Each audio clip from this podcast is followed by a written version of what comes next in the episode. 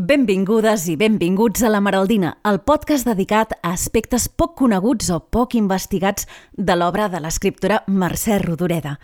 Encara que ja ho sabeu, ja hem acabat de fa dies la primera temporada i encara ens falten molts mesos perquè comencem la segona, hem pensat que aquest 13 d'abril havíem de fer per força un episodi especial, un episodi molt especial, perquè ja ho sabeu que aquest any, aquest 2023, es commemoren, farà 40 anys de la mort de Rodoreda.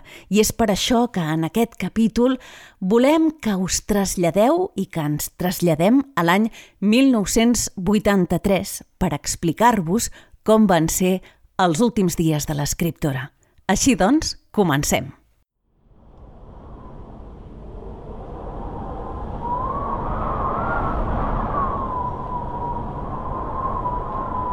La Maraldina és una muntanya amb un pou. De dintre seu se'n treu pols vermella i aquesta pols, barrejada amb aigua, serveix per pintar les cases del poble.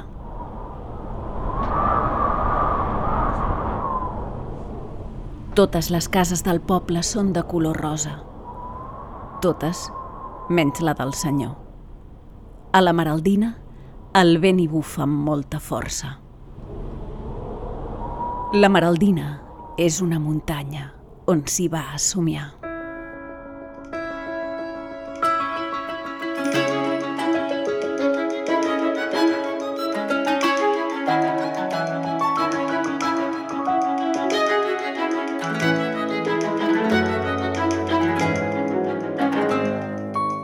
Som a Girona, a la Gran Via Jaume I, a mig camí entre l'estació del tren i el riu Unyà. A davant nostre veiem un edifici no gaire gran, té una façana senyorial molt bonica, amb uns carreus amples de pedra i amb uns pilastres que, que no són ben bé columnes, sinó que són com unes columnes quadrades, que tenen els capitells corintis. Doncs bé, aquest edifici el van alçar poc després de la Guerra Civil Espanyola, als anys 40, i hi van albergar la clínica Muñoz. Però no ens hem d'imaginar que estem a la postguerra, sinó que us volem dur una mica més endavant, com us hem dit a la introducció, a la dècada dels 80. I us heu d'imaginar que avui és dimecres i falta poc per dos quarts de dues de la tarda. Si els vianants que passen pel carrer es miren el canell i, i, i miren el rellotge, o si els auxiliars d'infermeria o els facultatius que treballen a dins de la clínica Muñoz agafen el calendari per programar una visita o per pautar un tractament, poden veure una data, una data marcada que és el 13 d'abril de 1983. És primavera.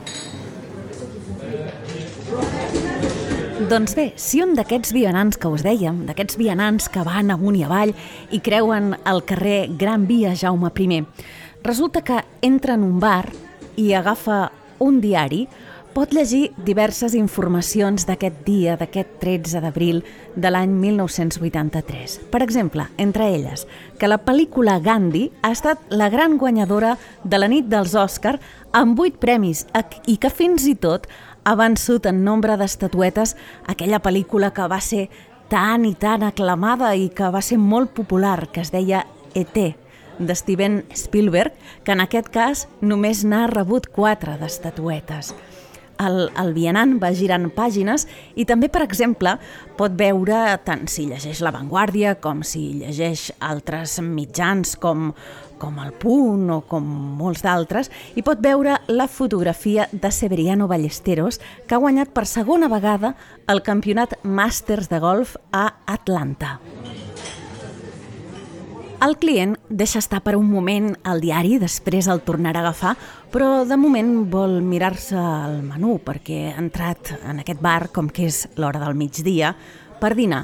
I mentre espera el primer plat, potser comenta amb el cambrer alguna notícia, alguna notícia política, perquè resulta que en aquestes dates, a l'abril del 83, s'acosten les eleccions municipals, que seran el dia 8 de maig.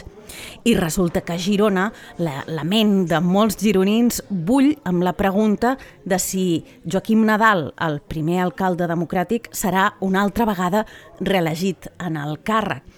Doncs bé, si aquest client que està en aquest bar, en aquesta gran via Jaume I, agafa el diari i llegeix La Vanguardia, eh, quan arriba a la pàgina 26, veu que hi ha una columna titulada de la manera següent. Mercè Rodoreda evolucionarà con lentitud. La primera frase del text, a La Vanguardia, deia una cosa així. Aun cuando se mantiene en secreto el diagnóstico de la escritora catalana Mercè Rodoreda, autora de La Plaza del Diamant, internada en una clínica gerundense desde hace varios días, por el doctor que la atiende, se ha asegurado que la afección hepática que padece no es de carácter infeccioso, pero que su evolución es larga.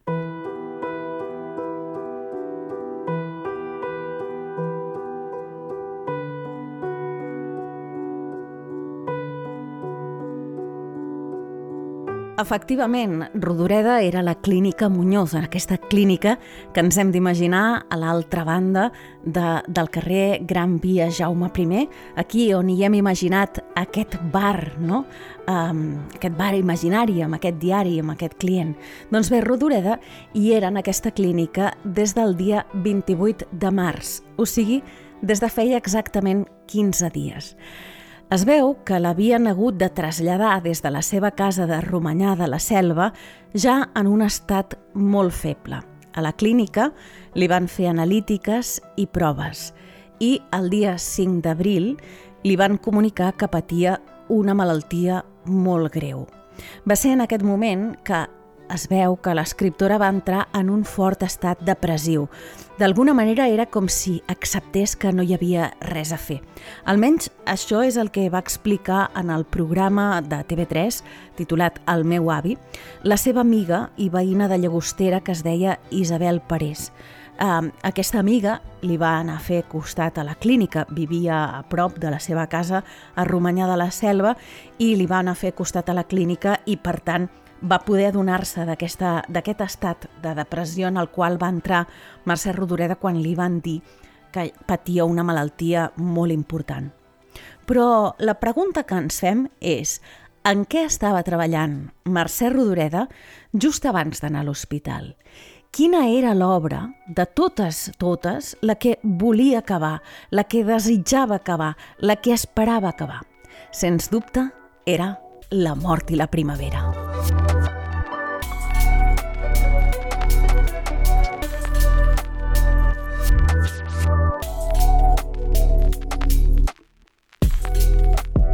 La mort era el tema substancial d'aquesta novel·la tan enigmàtica, tan negra, tan fosca, que feia molts i molts anys que, que tenia a dintre. L'havia començat a escriure just una primavera, però feia dècades, el 4 d'abril de l'any 1961. Llavors, Mercè Rodoreda vivia sola a Ginebra. El seu company, Armand Obiols, ja ho sabem, havia anat a treballar a Viena, on feia de corrector per l'Agència Internacional de l'Energia Atòmica, que és una agència important que depèn de les Nacions Unides.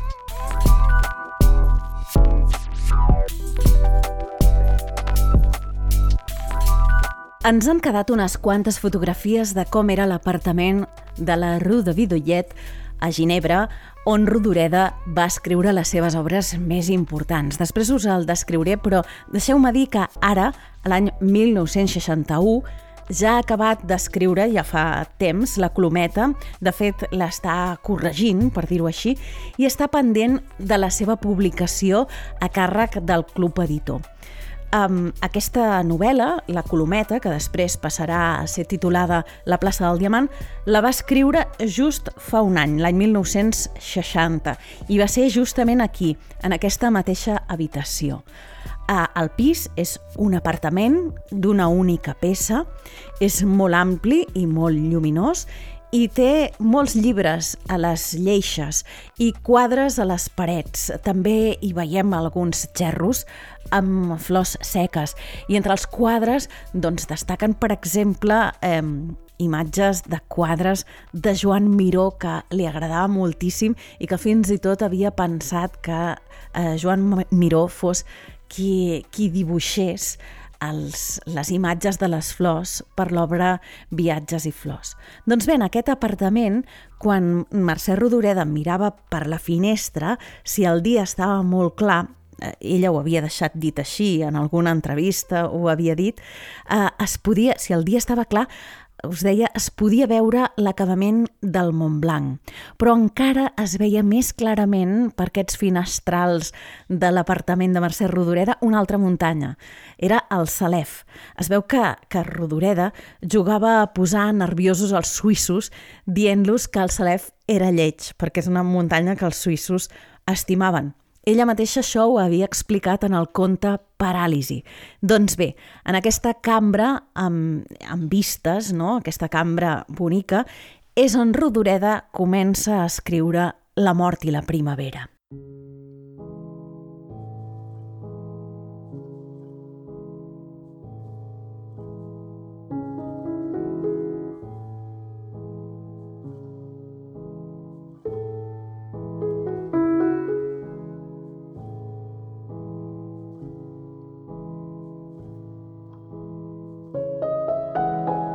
Al començament de tot, tenia forma de conte i es deia Ombres de primavera. No es deia la mort i la primavera, es deia Ombres de primavera.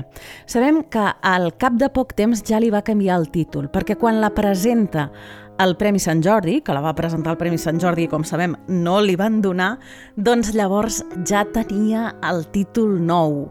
I ho sabem perquè hi ha una crònica a La Vanguardia on s'explica cada novel·la amb el seu escriptor corresponent doncs quants, eh, quanta puntuació tenien justament la nit de Santa Llúcia, que com sabem és quan es, es donen, es concedeixen els Premis Sant Jordi. No? Doncs bé, sabem que al començament de tot, aquella primavera de l'any 61 es deia Ombres de primavera, però que a la tardor ja li havia canviat el nom i es deia La mort i la primavera. Eh, la trama, la trama d'aquesta obra, aquesta, aquesta obra que crea en aquest apartament, transcorre en un poble molt petit del qual no se'ns diu el nom, sabem que probablement en té de nom, però no, no se'ns diu. És un poble de muntanya i, i passa un riu pel mig. El poble està posat exactament a sobre del riu, de manera que els seus habitants, per la nit, si no poden dormir, escolten com el riu passa per sota. I això és important en la novel·la, no? És un poble amb uns costums macabres i que aparentment està aïllat de tot. De fet, hi ha uns vigilants que miren que no vingui ningú, no? perquè més enllà eh, hi ha una població que es diuen els caraments, que són uns, un, uns habitants que tenen també uns costums diferents i estranyes, i, i hi ha aquests guaites que vigilen que els caraments no vinguin. No? La veu que explica la història és una veu en primera persona.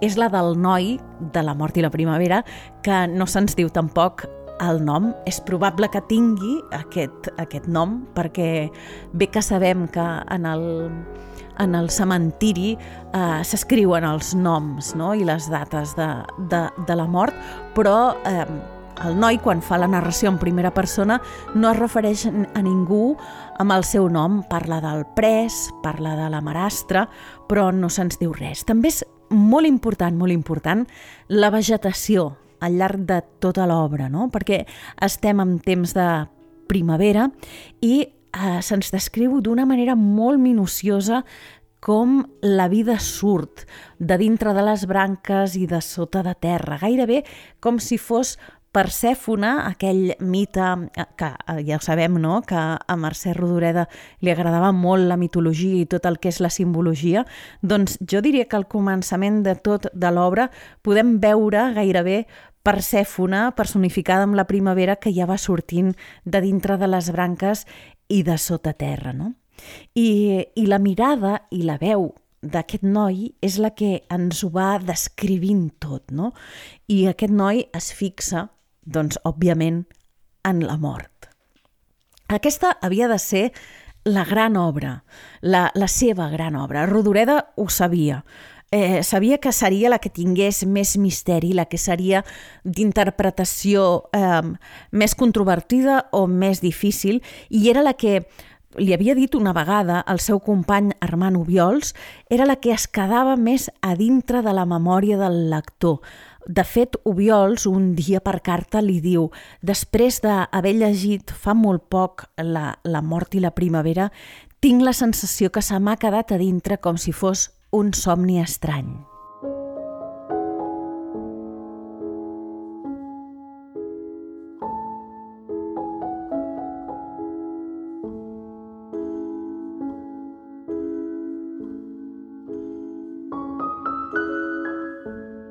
De tota manera, després d'estar-se dos anys seguits escrivint, creant aquest univers tan especial de la mort i la primavera, a Rodoreda aquesta novel·la se li va encallar.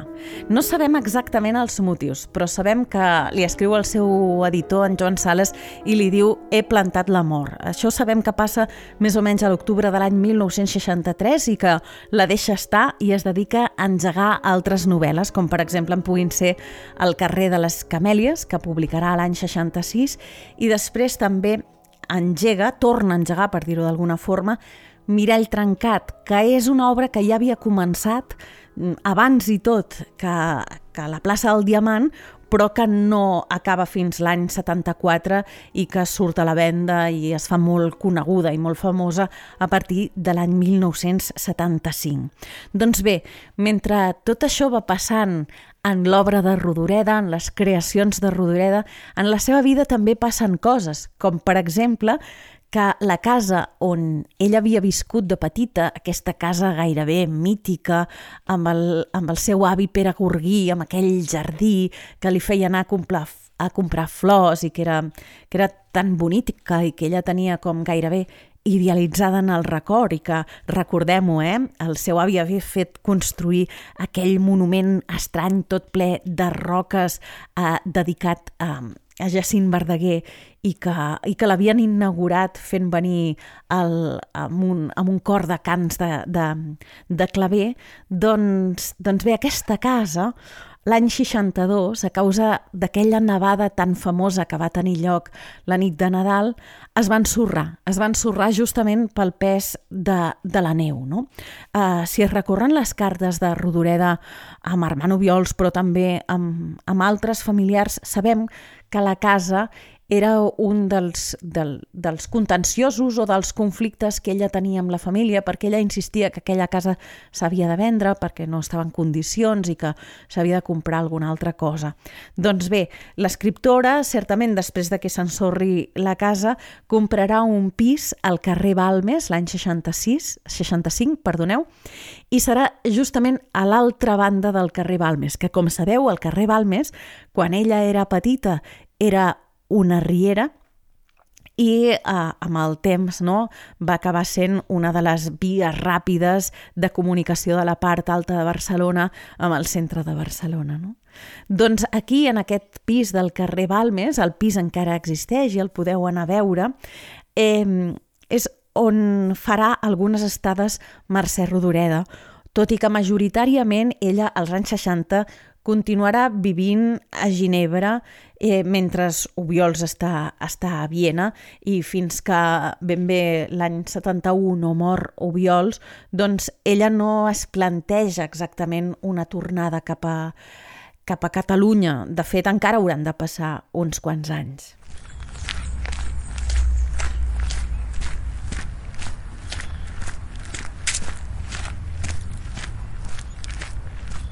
Tot i així, sí que és important pensar que la mort d'Ubiols l'any 71 sí que marca com un punt d'inflexió en la seva vida. Ella queda afectada per la mort del seu company. Ha estat un company de vida amb el qual ha viscut tot l'exili i això fa que comenci a passar algunes temporades, de tant en tant, alguns, eh, algunes èpoques a Catalunya, però les seves estades, curiosament, no tenen tant lloc a la ciutat de Barcelona, que era la seva ciutat, sinó a la Serra de les Gavarres. Resulta que als anys 70 ha, ha retrobat unes quantes amigues de l'època de la República, una època, a la República i la guerra, que havia sigut molt vital per Mercè Rodoreda. Havia sigut el temps en què ell havia començat a escriure, s'havia involucrat, havia treballat, per exemple, al Comissariat de Propaganda i també a la Institució de les Lletres Catalanes. Aquestes amigues són la pintora Susina Amat, que és la, la mare d'Anna Saludes, també eh, Esther Floricurt i l'artesana, i aquesta, aquest personatge serà important, l'artesana Carme Manrubia.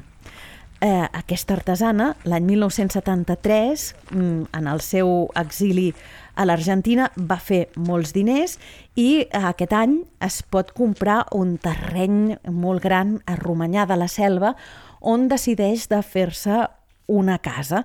Les quatre amigues, a més a més, tenen un projecte que és anar a viure juntes en aquesta casa que està construint Carme Manrubia.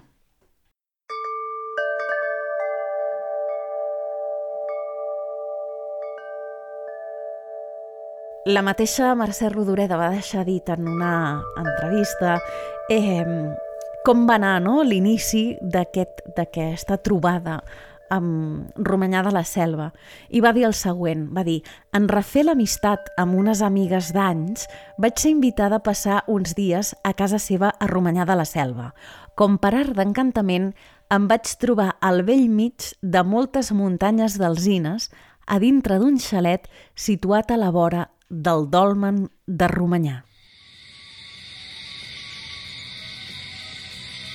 Eren, com hem vist, quatre amigues, però a poc a poc el projecte acaba només reduït a les figures de Mercè Rodoreda i Carme Manrubia. Elles dues dissenyen juntes el, el jardí i planten moltíssims rosers, que era un arbust i unes flors que li agraden molt a Rodoreda, i també totes dues, i això m'ho va explicar Maria Àngela Vilallonga, eh, totes dues pujaven a, a dalt de la casa i des de dalt, des d'aquella mena de terrat estrany que s'hi pujava per, per unes escales gairebé de piscina, allà eh, miraven les estrelles per la nit. Va ser precisament en aquesta casa on l'escriptora va acabar Mirall trencat i va escriure íntegrament la novel·la Quanta, quanta guerra i una part de Viatges i flors, que totes dues, aquestes dues últimes obres, Quanta, quanta guerra i Viatges i flors, es van publicar l'any 1980. És en aquesta època que Rodoreda va vendre els drets de la plaça del Diamant perquè Televisió Espanyola i una altra productora en fessin una pel·lícula. És aquell vell projecte d'un director de cinema, en Francesc Batriu, que, que després de llegir la, la plaça del Diamant ja de seguida va voler eh, portar-la al cinema i va estar batallant i lluitant durant molts anys fins que finalment sí que va ser possible i va fer-ho eh, amb la protagonista tan recordada per molts, la, amb l'actriu de Sílvia Munt. No? Doncs bé, amb els diners que Rodoreda va guanyar d'aquests drets, dels drets de la pel·lícula, ella va decidir de fer-se una casa pròpia, una casa al costat de la casa de Carme Manrubia. Eh, aquí es, es va dedicar a acabar l'obra que havia nascut l'any 61, de la qual us parlava abans, que és La mort i la primavera, que havia de ser la seva novel·la més negra.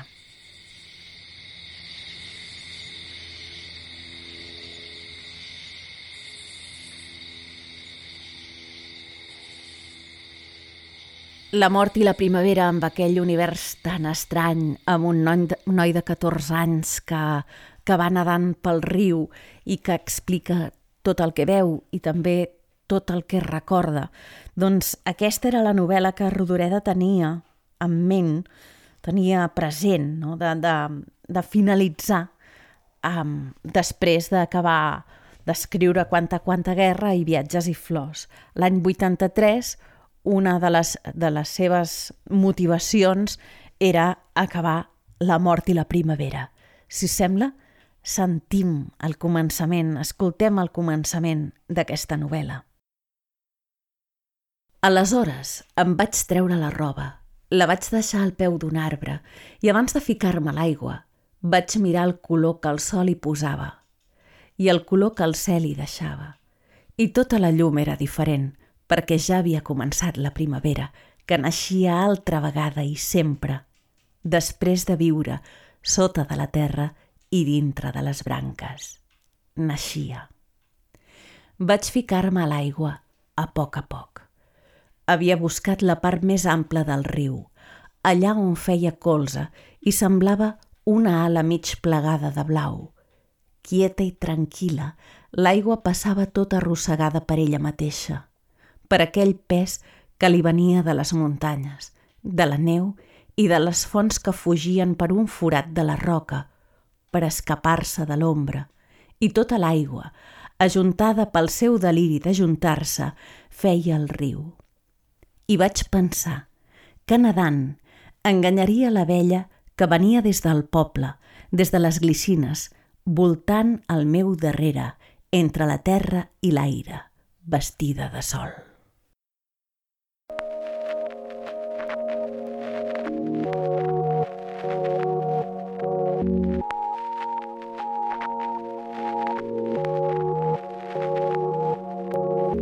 Deixeu-me dir que no he agafat cap de les edicions publicades fins ara perquè, com sabeu, La mort i la primavera és una novel·la que Mercè Rodoreda no va poder acabar perquè, com sabem, va morir i se n'han fet moltes d'edicions, per exemple la de Carme Arnau o també la d'Arnau Pons o la de Núria Folk, no?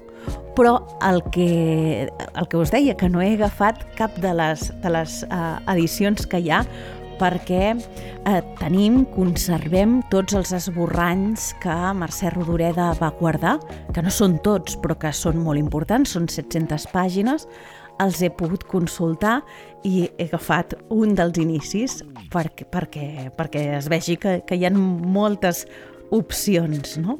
Doncs aquest era el començament d'una de les versions o de les reelaboracions, si es vol dir així, del començament de la mort i la primavera.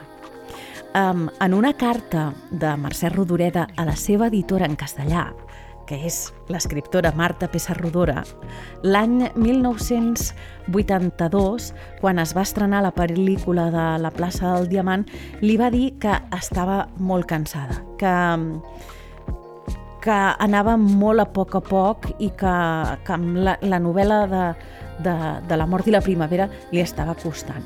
Però tot i així li va dir, li va dir, he passat a net 25 pàgines i llavors especifica que quan diu he passat a net vol dir que les ha deixat enllestides, o sigui que gairebé ja, ja donava aquelles 25 pàgines perfetes. No? Però molt poc després d'aquesta carta Rodoreda es comença a trobar molt malament i es queixa d'esofeguitis, o sigui, com si tingués agró no? a l'esòfag i diu també en les cartes diu que té anèmia. Sabem que l'últim Nadal, el Nadal de l'any 1982, el va passar a Barcelona i que va aprofitar per anar al metge, que no hi havia manera d'acabar de refer-se i va ser al març que va tornar a Romanyà de la Selva. El dia 28 de març ja no s'aguantava més, no es trobava bé i la van traslladar a la clínica Muñoz de Girona. Al cap de 15 dies, un 13 d'abril de l'any 1983, va morir acompanyada de Carme Manriu Rúbia, de la seva nora, Margarita, i dels seus editors Joan Sales i Marta Pessarrodona. Aquest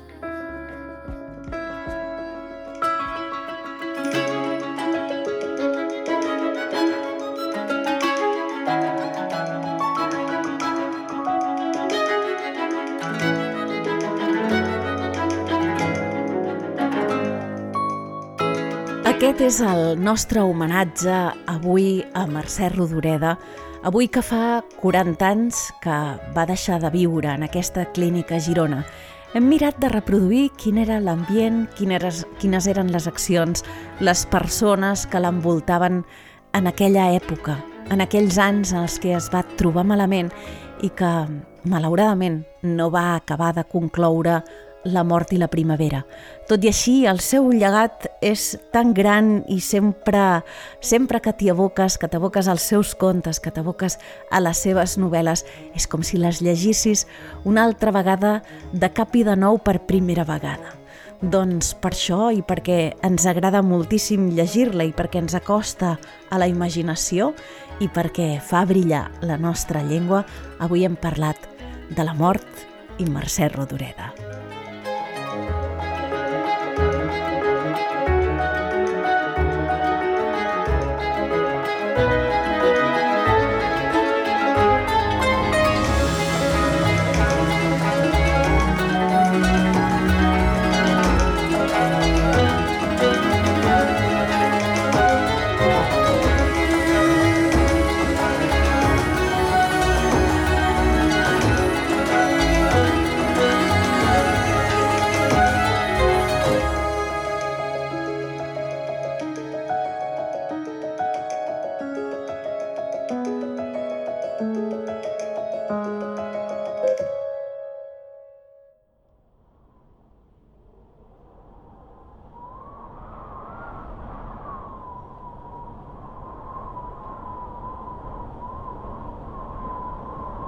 La Maraldina és una muntanya coberta de brugueres.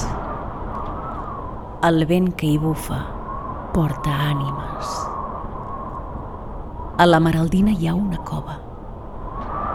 A dins de la cova s'hi pot viure una segona vida.